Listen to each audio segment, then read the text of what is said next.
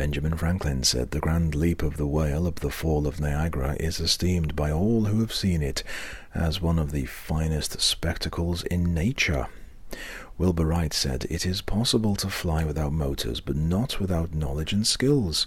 And Dylan Thomas said, The force that through the green fuse drives the flower drives my green age.